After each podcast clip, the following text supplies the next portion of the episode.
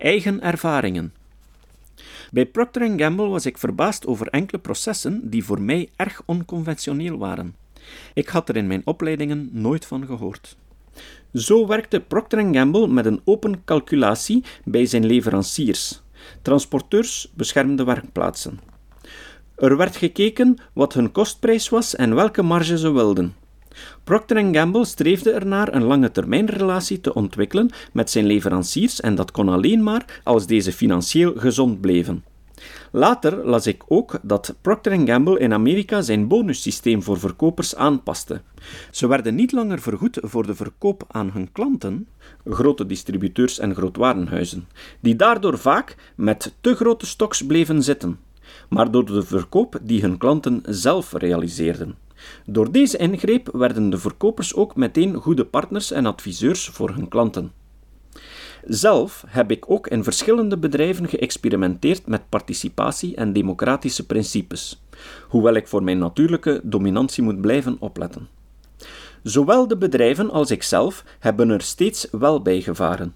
In een KMO in de autosector schafte ik het individuele commissiesysteem van de verkopers af en maakte er een gezamenlijke pot systeem van. Tot grote verbazing van de eigenaar werden er enkele maanden later meer auto's verkocht en waren de klanten aanmerkelijk meer tevreden met de service. Enkele grote ego's zochten hun geluk als verkoper elders, maar de overblijvende verkopers werkten meer samen, namen op normale tijdstippen hun recuperatiedagen op voetnoot, een vakantiedag als compensatie voor zaterdagwerk, einde voetnoot, en lichten hun collega's in over hangende dossiers. Dit gebeurde helemaal niet zolang zij elkaars interne concurrenten waren. Natuurlijk.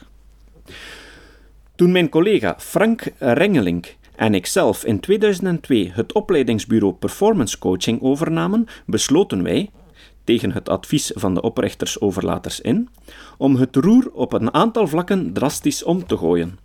Onze consulenten in onderaanneming zouden voortaan op een transparante manier worden aangetrokken en we zouden hen betrekken in alle grote beslissingen.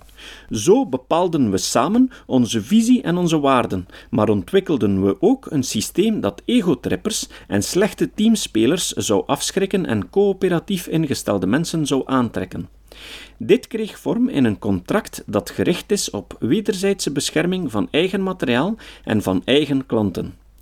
In 2008 besloten we dat we eigenlijk te groot werden om al het belangrijke werk, zoals onder meer wetenschappelijk onderzoek, ontwikkeling van nieuw materiaal en het organiseren van studiedagen, nog naast onze taak als trainer en coach uit te voeren. Er moest een fonds komen om dit te financieren. Daarom werd gezocht naar een nieuw vergoedingssysteem dat meer middelen in het bedrijf zou laten. In totaal werden vanuit de groep zes voorstellen met simulaties geformuleerd en één werd na een rijpingsperiode van één maand unaniem aangenomen. Eén maand vroeger dan afgesproken. Nochtans hield het voorstel in dat iedereen 5% zou inleveren. Ook op een aantal andere vlakken zijn we onconventioneel te noemen. Onze assistentes kunnen tijdens het laagseizoen, half juli tot half augustus, zoveel mogelijk thuiswerken. We werken niet met prestatiedoelstellingen. Iedere consulent bepaalt hoeveel uren hij zij wil werken.